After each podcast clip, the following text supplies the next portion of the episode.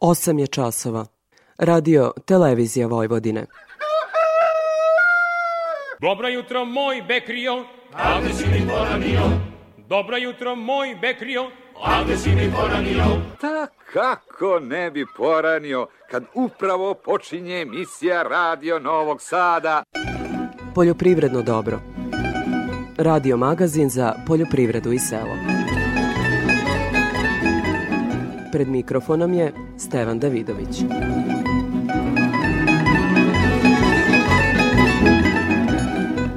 Dobro jutro. I ovo emisija ostajemo kod setve pšenice, razlozi su rokovi i optimalna agrotehnika za taj važan posao za ratare. Važno je istaći da klimatske promene zahtevaju stalno prilagođavanje proizvodnje agroekološkim uslovima, upozorava stručnjak na Novosadskom institutu za ratarstvo i povrtarstvo Vladimir Aćin. Da, e, optimalan rok setve jeste ceo oktobar praktično. Međutim, poslednjih godina smo uvideli da je ipak bolja setva sredinom, znači druga dekada, treća dekada oktobra. I ono što nije za preporuku, ali poslednjih godina upravo zbog tih toplih jeseni se pokazalo da čak i prva dekada, prva polovina novembra e, daje dobre rezultate setve. E, ovo svakako nije za preporuku, s obzirom na variabilnost vremenskih uslova. Ne bude svake godine, kažem, najbolji oktobar, polovina oktobra ili treća dekada oktobra, ali u najdužem nizu godina se to pokazao kao e, najmanje loš ili ajde, najbolji ili najmanje loš, e, najmanje loše vreme setve.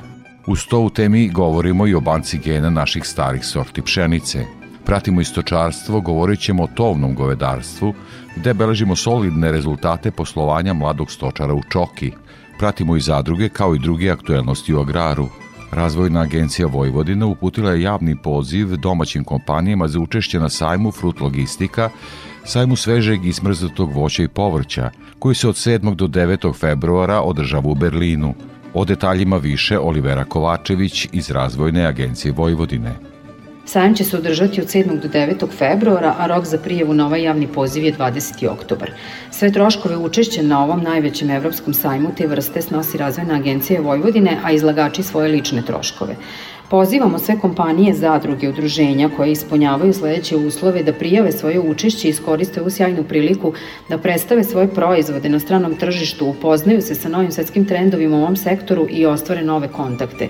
A uslovi su da su izmirili poreze i doprinose u skladu sa pozitivnim propisima Republike Srbije, da su 100% u domaćem vlasništvu i da posjeduju konkurentni proizvod za izvoz ili projekat za zajedničko ulaganje. Danas je Međunarodni dan žena na selu, stoga čestitke upućujemo svim ženama u agraru. Toliko u uvodu sledi muzika, pa izveštaj agrometeorologa.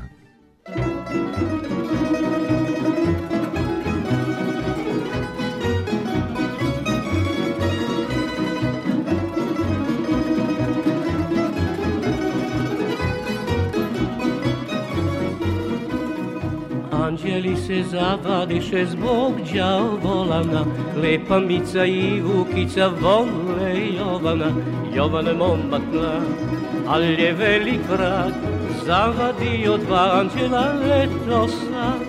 Jovan momak mlad, al je velik vrag, zavadio dva anđela letosa.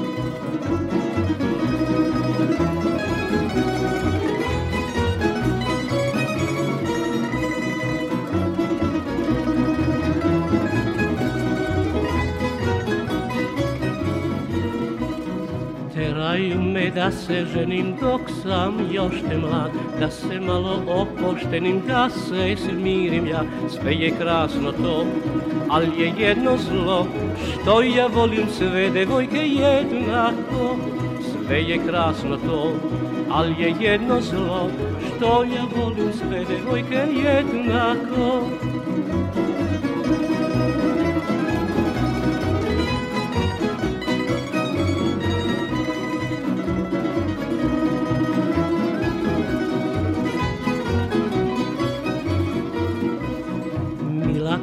ti bi bila grdla budala Kada bi se za to vraga mlada udala. Neka neke vrag, on je meni drag Dođi vraže, odnesi me odmah sad Neka neke vrag, on je meni drag Dođi vraže, odnesi me odmah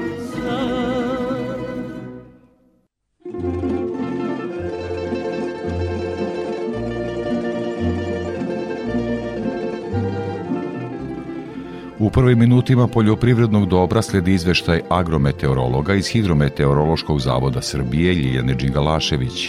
Tokom protekle sedmice na teritoriji Srbije preovladavalo sunčano, toplo i suvo vreme. Minimalne jutarnje temperature vazduha bile su u intervalu od 2 do 16 stepeni, a maksimalne dnevne temperature vazduha od 18 do 30 stepeni. Toplo i sunčano vreme bilo je povoljno za završetak berbe prolećnih ratarskih useva, povrća, voća i grožđa. Sa početkom oktobra počeli su i optimalni rokovi za setvu ozimih useva, ječma i pšenice. Vlažnost zemljišta je povoljna u većini proizvodnih područja, što će olakšati obradu i pripremu parcela za jesenju setvu ozimih useva. Da bi se setva odvijala u optimalnim uslovima i da bi bilo dovoljno vlage za klijanje i nicanje posejanih kultura, u narednom periodu su potrebne obilnije i češće padavine.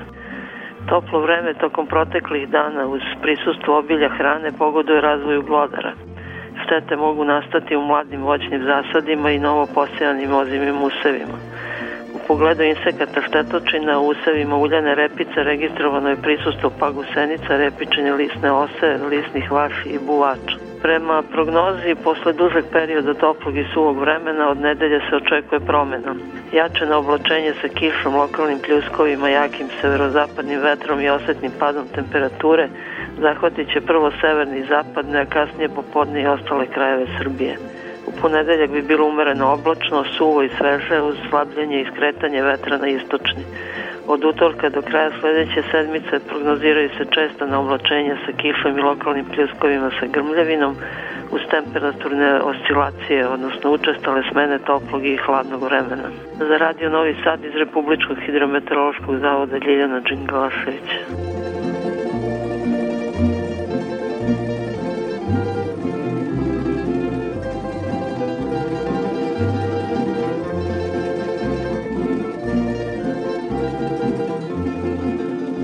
Prelazimo na zaštitu. Iz prognozu izveštene službe za zaštitu bilja izveštava Milena Marčić. I ove nedelje skrećemo pažnju našim slušalcima na prilično kritičnu situaciju sa poljskim glodarima na području Vojvodine ali šire – Trenutno se najveće brojnosti glodara registruju na lucerištima, parcelama sa samoniklom uljanom repicom, na strništima, povrću poput mrkve i cvekle, šećernoj repi, kukuruzu, ali i na ledinama, utrinama, nasipima i drugim staništima koje se ne obrađuju. Ove godine dominantno je prisustvo poljskih miševa u odnosu na poljsku voluharicu i koliko je ozbiljna situacija govori i činjenica da je na nekim parcelama registrovana brojnost glodara u najvišoj kategoriji brojnosti, u petoj kategoriji, što znači da je uočeno preko 2000 rupa od poljskih miševa po hektaru. Zašto sada upozoravamo naše proizvođače na opasnost od miševa i potrebu njihovog suzbijanja? Zato što su poljski miševi glodari koji se hrane zrnevljem, odnosno plodovima i prave zalihe hrane i kako je setva ozimih strnina počela, i ako uzmemo u obzir njihove trenutne brojnosti, u narednom periodu postoji izuzetno visok rizik od nastanka šteta u novoposejanim usevima. Preventivnu zaštitu ozimih strnih žita kao i tek zasnovanih lucerišta treba izvršiti pre setve kada brojnost poljskih miševa pređe drugu kategoriju, a to znači kada se utvrdi brojnost od 10 do 50 aktivnih rupa po hektaru. Za hemijsko suzbijanje poljskih glodara kod nas su registrovani gotovi mamci na bazi cink fosfida. Kod primene ovih mamaka treba ispoštovati sledeće mere. Nakon postavljanja mamaka u aktivne rupe od glodara, iste treba obavezno zatrpati zemljom kako ne bi došlo do trovanja ptica grabljivica i drugi divljači koje se hrani miševima. Mamci se ne smaju koristiti u stambenim zgradama, po kiši, posle kiše i u izrazito vlažnim zemljištima i na tretirane površine najmanje 14 dana posle primene ne treba dozvoliti pristup domaćim životinjama. Detaljnije informacije o još uvek aktualnoj zaštiti uljane repice od štetočina, kao i o drugim štetnim organizmima i merama njihove kontrole, mogu se pogledati na portalu prognoz izveštene službe za zaštitu bilja. Udakle se javlja Milena Marčić.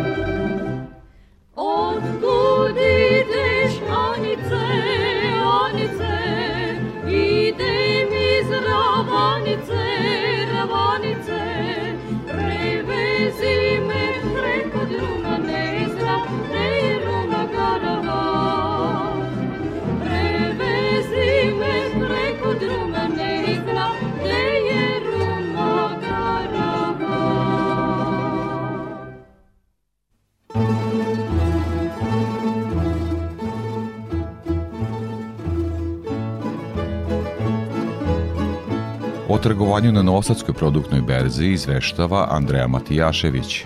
Tokom ove nedelje preko produktne berze prometovano je 2175 tona robe, za 21,71% manje nego prethodne nedelje. Finansijska vrednost ukupnog prometa iznosila 84 miliona 199 250 dinara, što u odnosu na proteklu nedelju predstavlja rast od 3,74%. Dominantna kultura u trgovanju ove nedelje je bila soja, a primetan je bio silazni trend cene soje i kukuruza, dok je cena pšenice zabeležila rast u odnosu na prethodnu nedelju. Za razliku od prethodne dve nedelje, kada je kukuruz bio primarna kultura u trgovanju, ove sedmice je došlo do smanjenja aktivnosti učesnika na tržištu. Nedelja je počela sa tražnjom koja je bila veća od ponude. Sredinom nedelje došlo je do povećanja aktivnosti na tržištu kukuruza, ali je zaključenje berzanskih ugovora otežavalo to što se u ponudi nalazio kukuruz za brzo preuzimanje, dok je tražnja bila usmerena na kukuruz sa isporukom u novembru. Krajem nedelje tržište kukuruza je ponovo bilo mirnije, uz ponudu nešto slabiju u odnosu na tražnju, pri čemu je tražnja bila usmerena na paritete CPT Luka i CPT Kupac. Kukuruzom se trgovalo u cenovnom rasponu od 14 do 14,20 dinara po kilogramu bez PDV-a. Ponder cena iznosila je 14,08 dinara po kilogramu bez PDV-a, odnosno 15,49 dinara po kilogramu sa PDV-om, što u odnosu na prethodnu nedelju predstavlja pad od 9,11%. Trgovalo se takođe i kukuruzom do 15% vlage po ceni od 13,40 dinara po kilogramu bez PDV-a. Slaba aktivnost učesnika na tržištu pšenice nastavila se i četvrtu nedelju za redu. Prvi radni dan u sedmici doneo je povećanje aktivnosti u odnosu na prethodnu nedelju, pri čemu je tražnja bila povećana i izražena na paritetu CPT kupac, ali ostatak nedelje prošao dosta mirno, bez veće aktivnosti učesnika. Tek krajem nedelje ponovo je došlo do zaključenja berzanskih ugovora. Pšenicom se trgovalo u cenovnom rasponu od 19 do 19,80 dinara po kilogramu bez PDV-a. Ponder cena iznosila 19,48 dinara po kilogramu bez PDV-a, odnosno 21,43 dinara po kilogramu sa PDV-om. U odnosu na prethodnu nedelju cena pšenice je zabeležila rast od 2,89%. Najviše aktivnosti ove nedelje bilo je na tržištu soje, te je ona bila primarna kultura u trgovanju, zauzimajući ukupnom obimu prometa udeo od 46%.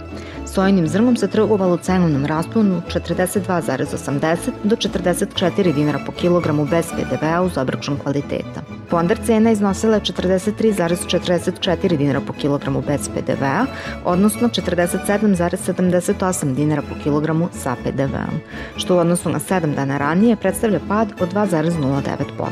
Trgovalo se takođe i sojom sa odloženim plaćanjem od 30 dana po ceni od 44 dinara po kilogramu bez PDV-a. Povećanje aktivnosti tokom nedelje zabeležili smo i na tržištu mineralnih đubriva.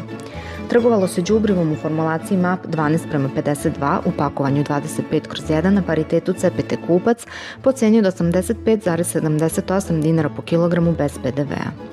Na paritetu CPT kupac prometovan je i MPK 20 prema 20 prema 0 u pakovanju 25 kroz 1 po ceni od 52,65 do 53,47 dinara po kilogramu bez PDV-a. NPK 16 prema 16 prema 16 prometovanje u cenovnom rasponu od 52,89 do 55,24 dinara po kilogramu bez PDV-a u zavisnosti od pakovanja, pariteta prodaje i uslova plaćanja. Sa produktne berze Andreja Matijašević.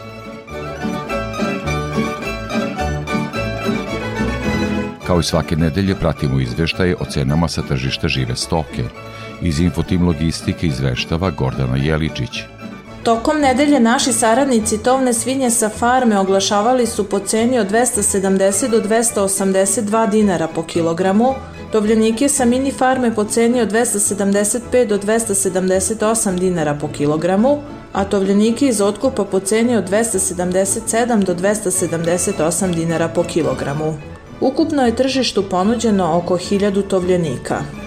Tokom nedelje, pregovori za tovne svinje sa farme i mini farme postizani su po ceni od 275 i 280 dinara po kilogramu.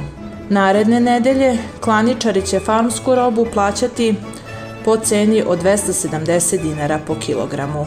Prasaca farme oglašena su po ceni od 500 do 550 dinara po kilogramu, prasaca mini farme po ceni od 370 do 417 dinara po kilogramu i prasad iz otkupa po ceni od 370 do 375 dinara po kilogramu. U ponudi smo imali više od 1000 i po prasadi. Nazimice za priplot ponuđene su po ceni od 50.000 dinara po komadu. Jagnjad su ponuđena po ceni od 370 do 435 dinara po kilogramu. Ovce za klanje ponuđene su po ceni od 180 do 185 dinara po kilogramu. Na terenu beležimo slabu operativnost jagnjadi u ponudi. Bikovi rase Holstein oglašeni su po ceni od 287 do 305 dinara po kilogramu, a bikovi simentalci po ceni od 327 do 337 dinara po kilogramu. Klaničari i dalje plaćaju bikove simentalce po 3 evra po kilogramu sa uračunatim PDV-om. Kad je živina u pitanju, jednodnevni pilići teške linije ponuđeni su u rasponu od 47 do 60 dinara po komadu, a 18-nedeljne koke nosilje ponuđene su po ceni od 700 dinara po komadu. Cene su izražene bez PDV-a. Za Radio Novi Sad, Gordana Jeličić iz Infotim Logistike.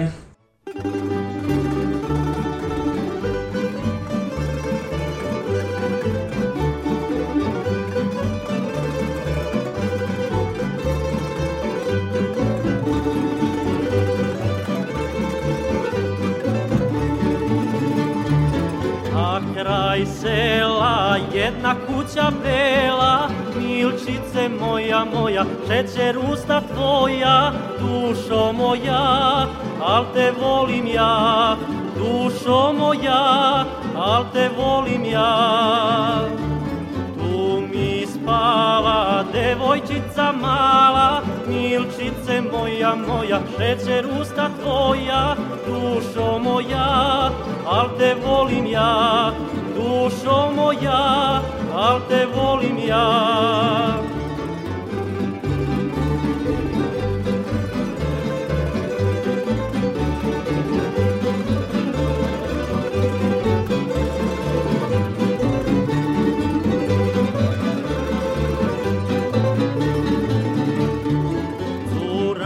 Mala meni srce dala, moja moja, šećer usta tvoja, dušo moja, al te volim ja, dušo moja, al te volim ja.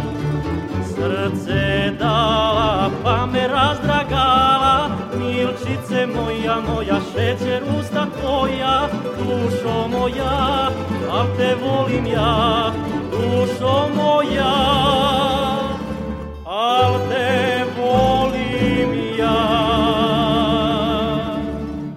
Poljoprivredno dobro.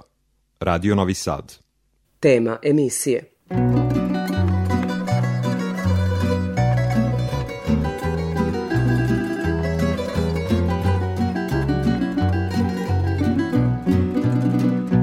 Temu i ove emisije posvećujemo setvi pšenice, razlozi su rokovi i optimalna agrotehnika za taj važan posao za ratare. Gost u studiju je stručnjak na Novosadskom institutu za ratarstvo i povrtarstvo Vladimir Aćin. Pa za početak da krenemo od onog na čega malte ne, ne možemo da utičemo, to su vremenski uslovi, vlaga zemljišta. Kakva je trenutna situacija? Eto, kiše nema, padavina nema već jedan malo duži vremenski period e, i sami vidite da je površina njive je suva, e, praši prilikom prolaska automobila mašinerije.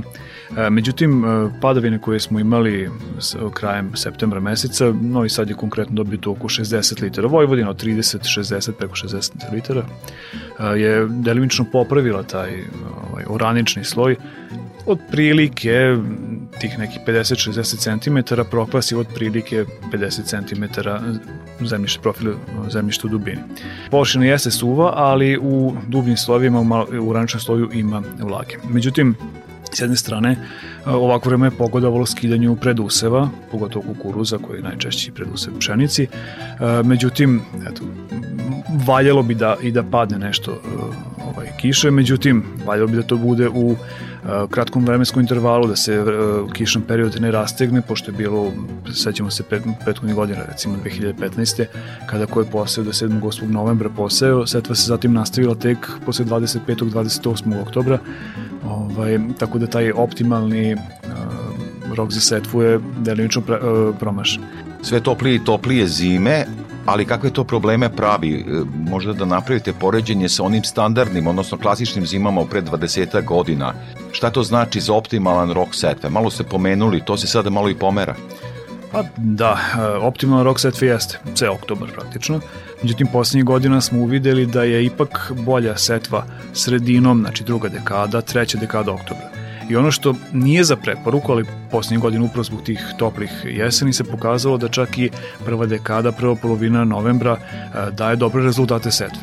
E, ovo svakako nije za preporuku, s obzirom na variabilnost vremenskih uslova, ne bude svake godine, kažem, najbolji oktobar, polovina oktobra ili treća dekada oktobra, ali u najdužem nizu godina se to pokazao kao e, najmanje loš ili ajde, najbolji ili najmanje loš, e, najmanje loše vreme setve.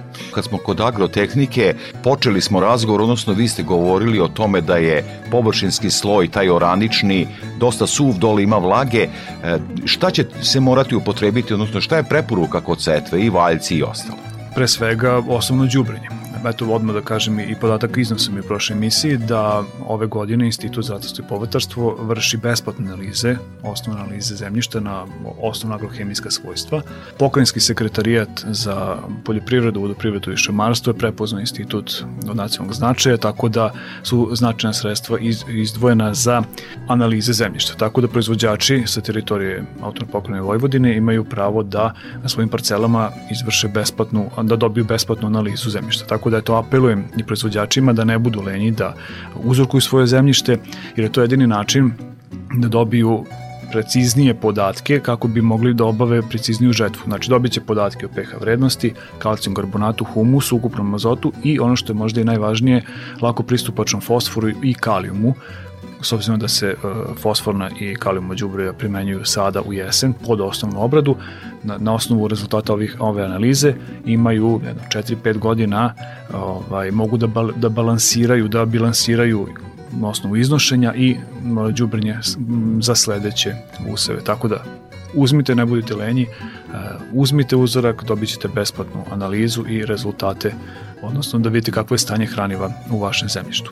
Šta je preporuka na ovakve klimatske uslove i stanje zemljišta? A što se tiče obrade, strna žita, pšenica ne zahteva oranje kao takvo, znači dobro podnosi i neki od redukovanih sistema obrade, da li recimo tanjiranje koje je dosta zastupljeno u našim uslovima. E, naravno da sistem obrade treba prilagoditi samom tipu zemljišta, proizvođači znaju najbolje kakve su njihove parcele i stanju vlage, s obzirom da ovako, ajde, ako se nastave ovi sušni uslovi, mada ako je verovati vremenskoj prognozi sledeće nedelje nas očekuju neke izvesne količine padavina, koliko će biti ne znamo. E, međutim, e, u sušnim uslovima bolje rezultate daju redukovana obrada, dok opet u vlažnim uslovima je plug kao takav bolji. Naravno, klasična obrada oranjem je skuplja, a s obzirom i na, i na cenu pšenice, na kolika su trenutno ulaganja, veliki broj proizvođača će izbegavati klasičnu obradu. Ali opet vraćamo se na, na, na đubrenje za što bolje unošenje đubriva koje su tako rasturene po površini zemljišta je najbolje orati da se obratanjem plastice ta đubriva nađu u zoni budućeg korenovog sistema biljak. Jer fosfor i kalijum nisu, vezuju se za zemljište, nisu pokretna po profilu zemljišta kao azot i vi jeste pođubrili, ali ako ih niste uneli u zonu korenog sistema, ona te godine ostaju nedostupna, ta hraniva iz ovaj, đubriva ostaju nedostupna za, za biljke stane žita. Šta je sa gustinom setve, setvenom normom? Kakva je tu preporuka kod ovakvih godina? Pa, znate kako, kada bismo imali, nažalost nemamo, dugoročnu vremensku prognozu, mi bismo mogli da damo bolje preporuke, preciznije preporuke da se proizvođači bolje prilagode.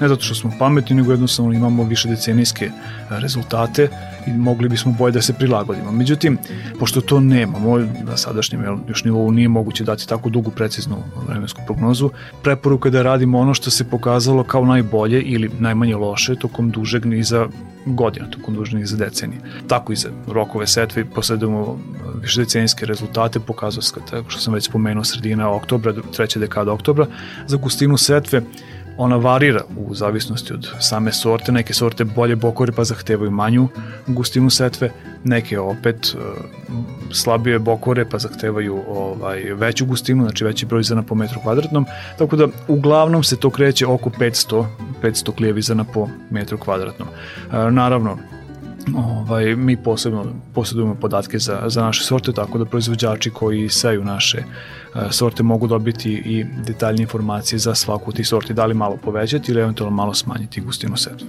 I odmah možda nam kažete, to ste već spominjali ranije, Institut za ratarstvo, odnosno NSM, cena kilograma semena, šta se tu dešava? Rekli smo da, što kažete u prošloj emisiji, zvanična cena je 45 dinara za plus PDV za cenu pšenice. Eto, institut je izašao malo i susret e, proizvođačima s obzirom da smo i nacionalni institut, tako da je cena pšenice nešto i niža nego što je bilo prethodne godine. E, nažalost, cena merkantilne pšenice je takva kakva je, proizvođači nisu zadovoljni opravdano, ali eto i mi smo na taj način pokušali malo da im izađemo u susret. E, nadovezao bih se odmah, problem kod samooplodnih biljnih vrsta pa i istrnih žita, u stvari pšenice pre svega, je i setva semena sa tavana. Ona je kod, na, u našim uslovima se obično kretala oko 50%, 50% je bilo sertifikovanog semena, a ostatak je takozvano ne, ne sertifikovano, ja da kažemo seme sa tavana kako se obično i naziva. Međutim, posljednjih godina udeo tog nesertifikovanog semena raste, tako da je i može se reći 60 pa i preko, ovaj, preko tog procenta. To svakako nije, nije dobro, jer seme je nosilac kvaliteta, znači sertifikovano seme je prošlo stroge procese, stroge kontrole to, tokom proizvodnje, nosi određenu genetičku informaciju koja ta sorta treba da posjeduje, prošlo je kroz savremenu, da. savremene dorodne centre, znači frakcije su krupne, poznate klijavost, čistoća, dakle upotrebna vrednost semena i na osnovu tih informacija proizvođači mogu ostvariti optimalne sklopove za dato sortu. Ostajemo kod klimatskih promena, sve toplije zime, prethodnih godina nije bilo glodara toliko, bar ja se ne sećam da je bilo u izveštajima i vašim i drugih E, stručnjaka. Kakve ove godine prvi znaci, šta će biti? A prvi znaci ukazuju da će ih biti. Da. E, I ove zime, proleća nije ih toliko bilo prethodne proizvodne sezone. Međutim, ove vidimo da ih ima na parcelama tako da vrlo moguće da će njihova brojnost biti velika i da će praviti problem. I evo za kraj razgovora, s obzirom na to da je Institut za ratarstvo i povrtarstvo od nacionalnog značaja, a evo se pokazuje posljednjih godina da je izuzetno bitna hrana i kao strateška stvar. Šta je sa, sa, sa našim semenima, da li ih čuvamo, da li, da li postoje neke banke u tom smislu? Šta se tu događa? Upravo ste, klimatske promene i sve veća variabilnost e, vremenskih činilaca utiče na to da se zapitamo šta će biti sa našim sortama, pre svega starim e, vrstama pričamo o strnim žitima, pa bazirat ću se na strna žita. Upravo iz tog razloga postoji banke gena, posjedujemo našu nacionalnu banku gena, Institut za ratarstvo i povrtarstvo ima deponovano određeni broj sorta različitih biljnih vrsta u našu nacionalnu banku gena. Međutim, istako bih i da smo pre dve godine, znači krajem 2021. Institut je prvi iz Srbije deponovao semena u uh, jednu od svetskih banki gena koja se nalazi na arhipelagu Svalbard, pripada Norveškoj, arhipelag se nalazi blizu severnog pola, u pitanju je stari rudnik čija je namena promenjena u banku gena gde se, pa neću kažem skoro i svih, ali iz najvećeg broja zemalja svetskih se nalaze sorte, stare biljne vrste, tako da eto mi smo prošle godine, institut je prvi iz Srbije deponovano u pitanju 96 genotipova strnih žita, strnih žita koje sorti koji su i populacije koje su autohtona, znači vezane naše za... znanje što bi se rekao. Pa naše znanje sa ovog podneblja koje je ovaj, karakteristično tako da eto u slučaju nekih kataklizmi svetskih e, možemo doći do našeg semena i povratiti seme koje je autohtono sa ovih prostora. Lepo je znati zaista velike generacije genetičara u institutu su radili te čuvene e, nosadske sorte da to imamo za budućnost sačuvano. Da, da, eto, da imamo u pitanju je bio jedan projekat FAO, svetske organizacije, ovaj, tako da eto, u sklopu toga smo i deponovali naše sorte na, u Svalbard. Gost u studiju Radio Novog Sada, stručnjak Novosadskog instituta za ratarstvo i povrtarstvo od nacionalnog značaja, kao što rekao smo, Vladimir Aćin. Veliko vam hvala za ovo gostovanje. Hvala vama.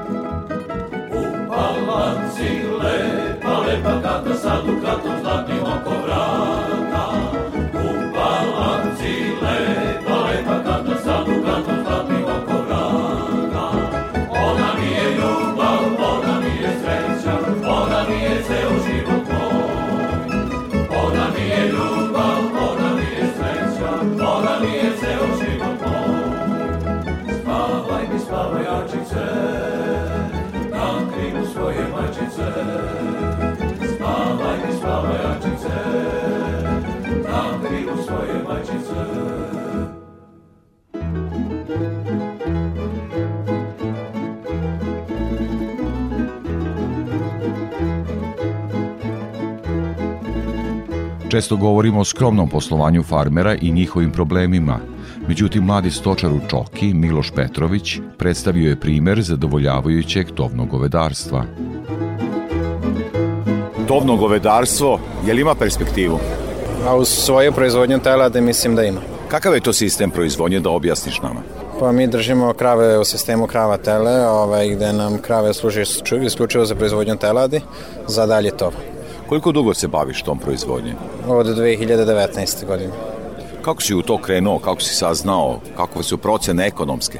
Iz brojnih razloga. Prvo, nedostaje nam stajnjak zbog povećanja površina pod sistemima za navodnjavanje, jer mi smo u osnovi ratari.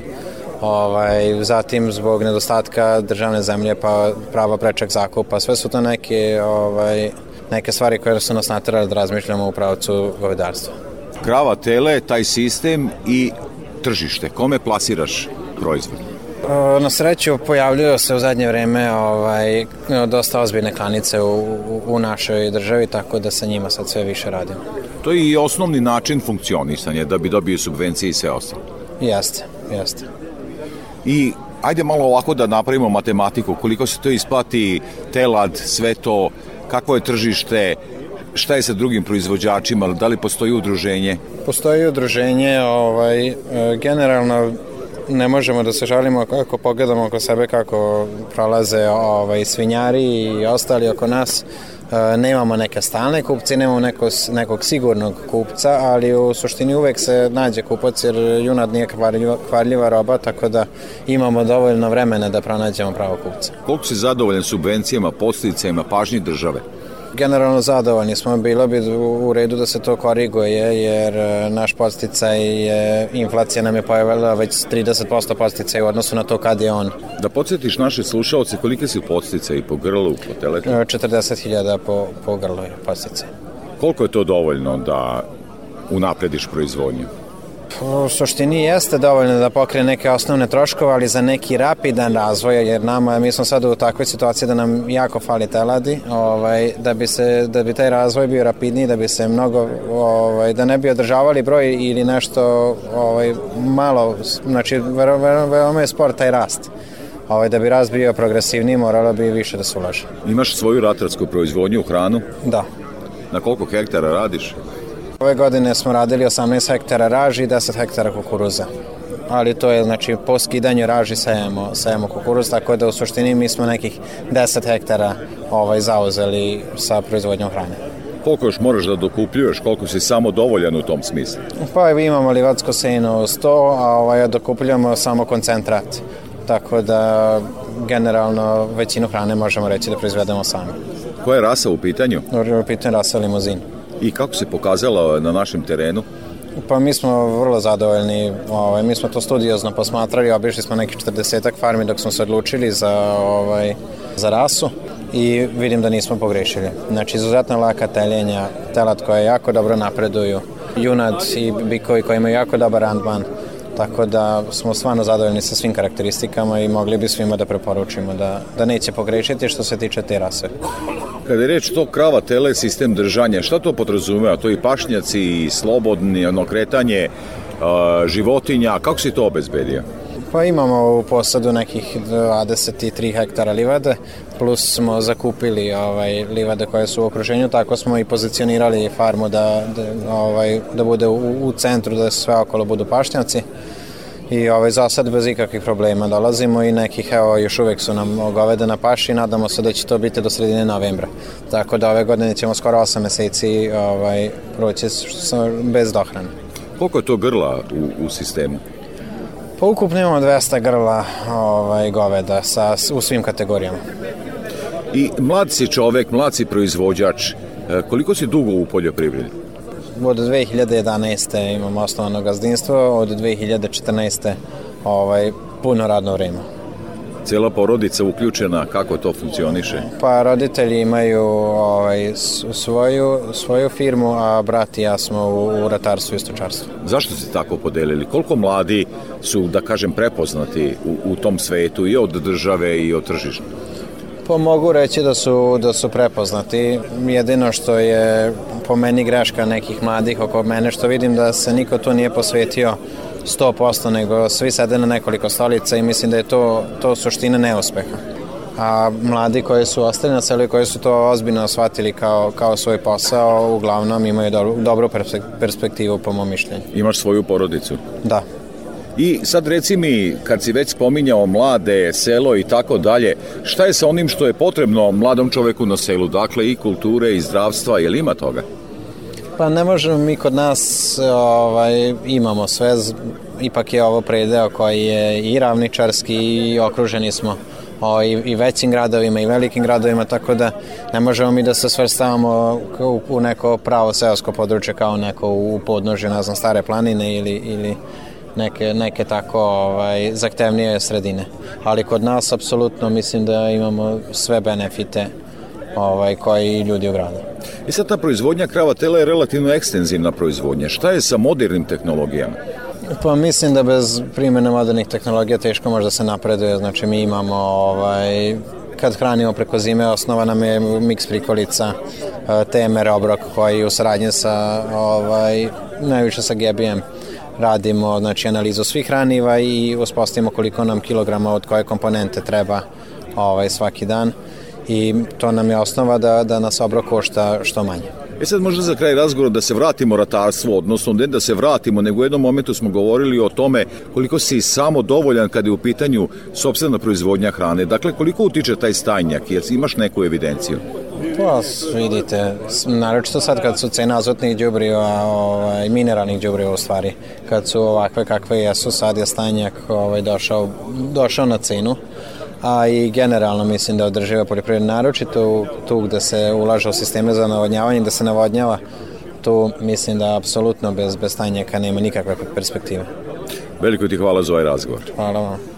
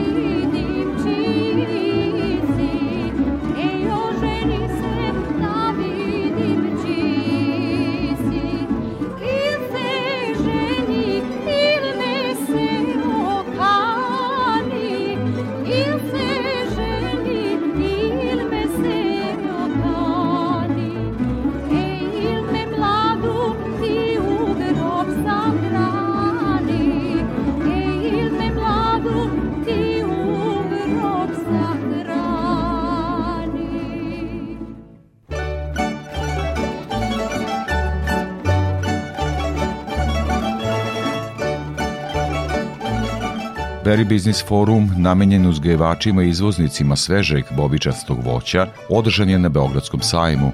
Ova jedinstvena manifestacija okupila je domaće i međunarodne stručnjake iz ove oblasti, kako bi se skrenula pažnja javnosti na potencijal domaće proizvodnje bobičastog voća i na potrebu za integrisanjem na domaćem i međunarodnom tržištu. Opširnije Aleksandar Jovanović. Zlatko Mandžuka iz sela Nemeni kuće kod Sopota gaj borovnice na blizu 2 hektara, a proizvodnjom ovog bobičastog voća počeo je da se bavi pre tri godine. Udarni mesec kod nas je juni mesec i tada je u Evropi poznato da je Srbija u tom momentu, u tom trenutku, ti 30 dana, najveći proizvođač u Evropi i vrata su širom otvorena. Ove godine bilo nekih uh, drugih problema zbog velikog broja padavina, kišnih dana i tako dalje. Borovnica kod velikog broja proizvođača nije imala potreban kvalitet. Uprkos brojnim izazovima sa kojima se suočavaju poljoprivrednici, u prethodnih nekoliko godina došlo je do rasta proizvodnje, pa je pod Borovnicom trenutno oko 3000 hektara, kaže Zlatko Jovanović, specijalista za poljoprivredu i prehrambenu industriju. Srbija je u, ajde da kažemo, u poslednjih desetak godina, bar kada je reč o svežoj borovnici, a boga mi u poslednje vreme i svežoj malini, ovaj, postala regionalni, ajde da kažemo, lider e, u proizvodnji i izvozu. Sada trenutno imamo nekih 3000 hektara e, intenzivnih e, zasada visokožbunaste borovnice koja je jako tražena i na tržištu Evropske unije, ali i na drugim tržištima Bliskog istoka i tako dalje.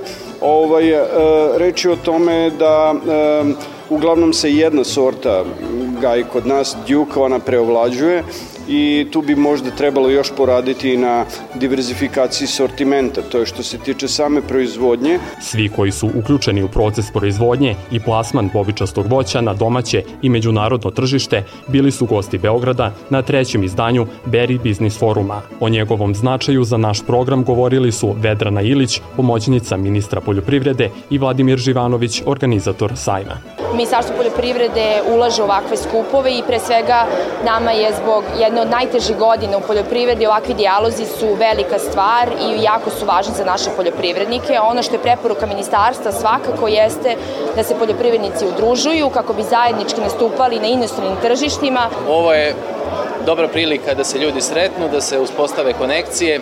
Imamo negde oko 250 plantažera iz sektora Borovnice maline i jagode. Učesnici Berry Business foruma saglasni su u oceni da je Srbija pogodno tlo za proizvodnju bobičastog voća. Međutim, postoji još mnogo prostora da svoj potencijal u potpunosti iskoristi.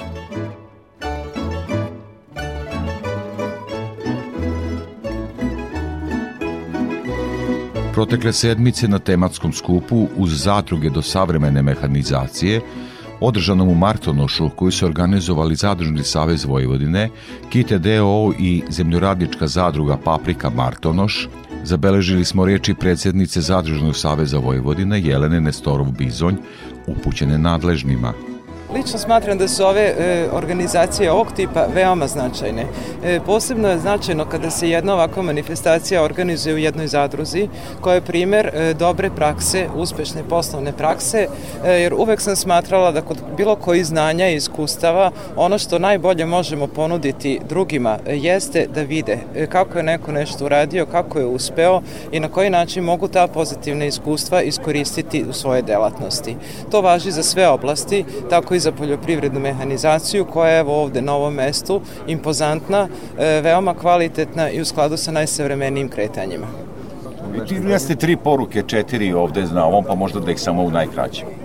U uvodnom izlaganju sam se znači zahvalila državnim organima i pokrajinskim organima na svim dosadašnjim e, doprinosima u vidu posticaja i drugih mera e, kao unapređenju znači stanja opremljenosti poljoprivrednom mehanizacijom u našoj poljoprivredi, ali bih iznala ispred Zadružnog saveza Vojvodine i predloge kako to i dalje unapređivati. E, naime, lično smatram e, ispred Zadružnog saveza znači da su zadruge te kojima bi trebalo dati prioritet znači u nabavci poljoprivredne mehanizacije uz posticaj na sredstva. One i sada imaju pravo znači, da učestvuju u konkursima, ali treba shvatiti znači, da udruženi poljoprivrednici u zadruge kada nabave savremenu mehanizaciju, nabavit će kvalitetniju, bolju mehanizaciju koja će biti tehnički i ekonomsko bolje iskorištena.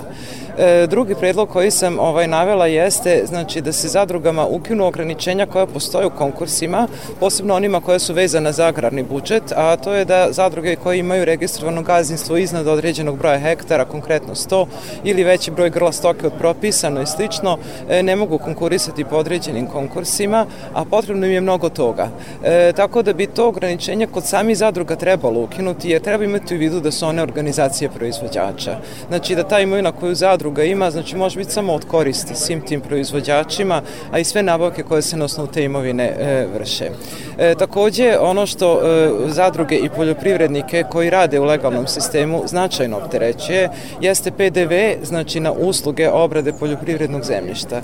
E, I to znači na ugovore o zajedničkoj proizvodnji između zadruga i zadrugara, gde se između, e, bukvalno, znači zadružne mehanizacije kada ode na polje zadrugara da obavi određeni posao, plaća porez, što apsolutno nije imanentno zadružnoj strukturi organizacije i tome da je to generalno jedna proizvodnja.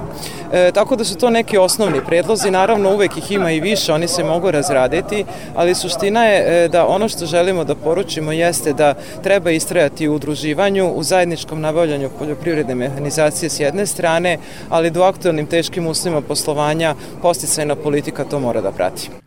O ovom značajnom tematskom skupu opširnije ćemo govoriti naredne sedmice u emisiji Agroargumenti.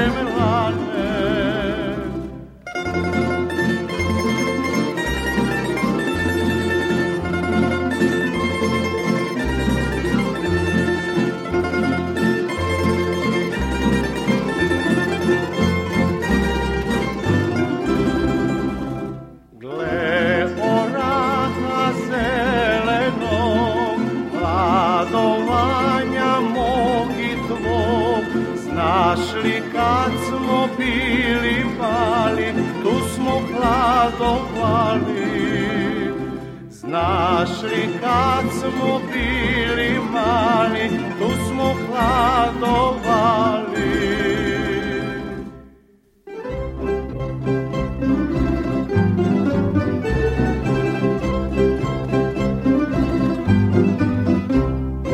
Pred krajem emisije još jednom prognoza za narednu sedmicu.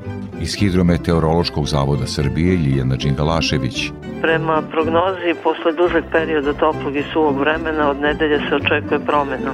Jačeno oblačenje sa kišom, lokalnim pljuskovima, jakim severozapadnim vetrom i osetnim padom temperature zahvatit će prvo severni i zapadne, a kasnije popodne i ostale krajeve Srbije. U ponedeljak bi bilo umereno oblačno, suvo i sveže uz slabljenje i skretanje vetra na istočni. Od utorka do kraja sledeće sedmice prognoziraju se često na oblačenja sa kišom i lokalnim pljuskovima sa grmljavinom uz temperaturne oscilacije, odnosno učestale smene toplog i hladnog vremena.